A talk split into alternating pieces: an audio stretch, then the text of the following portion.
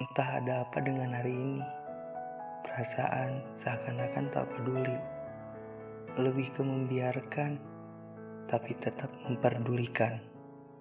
Sekarang hanya ingin menikmati apa yang memang sedang dimiliki. Karena mungkin cukup lelah mengejar bayang-bayang yang dibayangkan itu.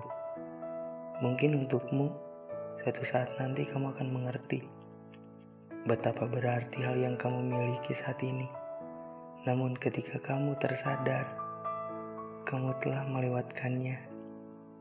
Dan waktu tetaplah berlalu. Hari terus berganti, mentari takkan berlari. Malam senantiasa menanti setiap senyuman yang dinanti. Lihat malam ini dan coba untuk tersenyum kembali besok.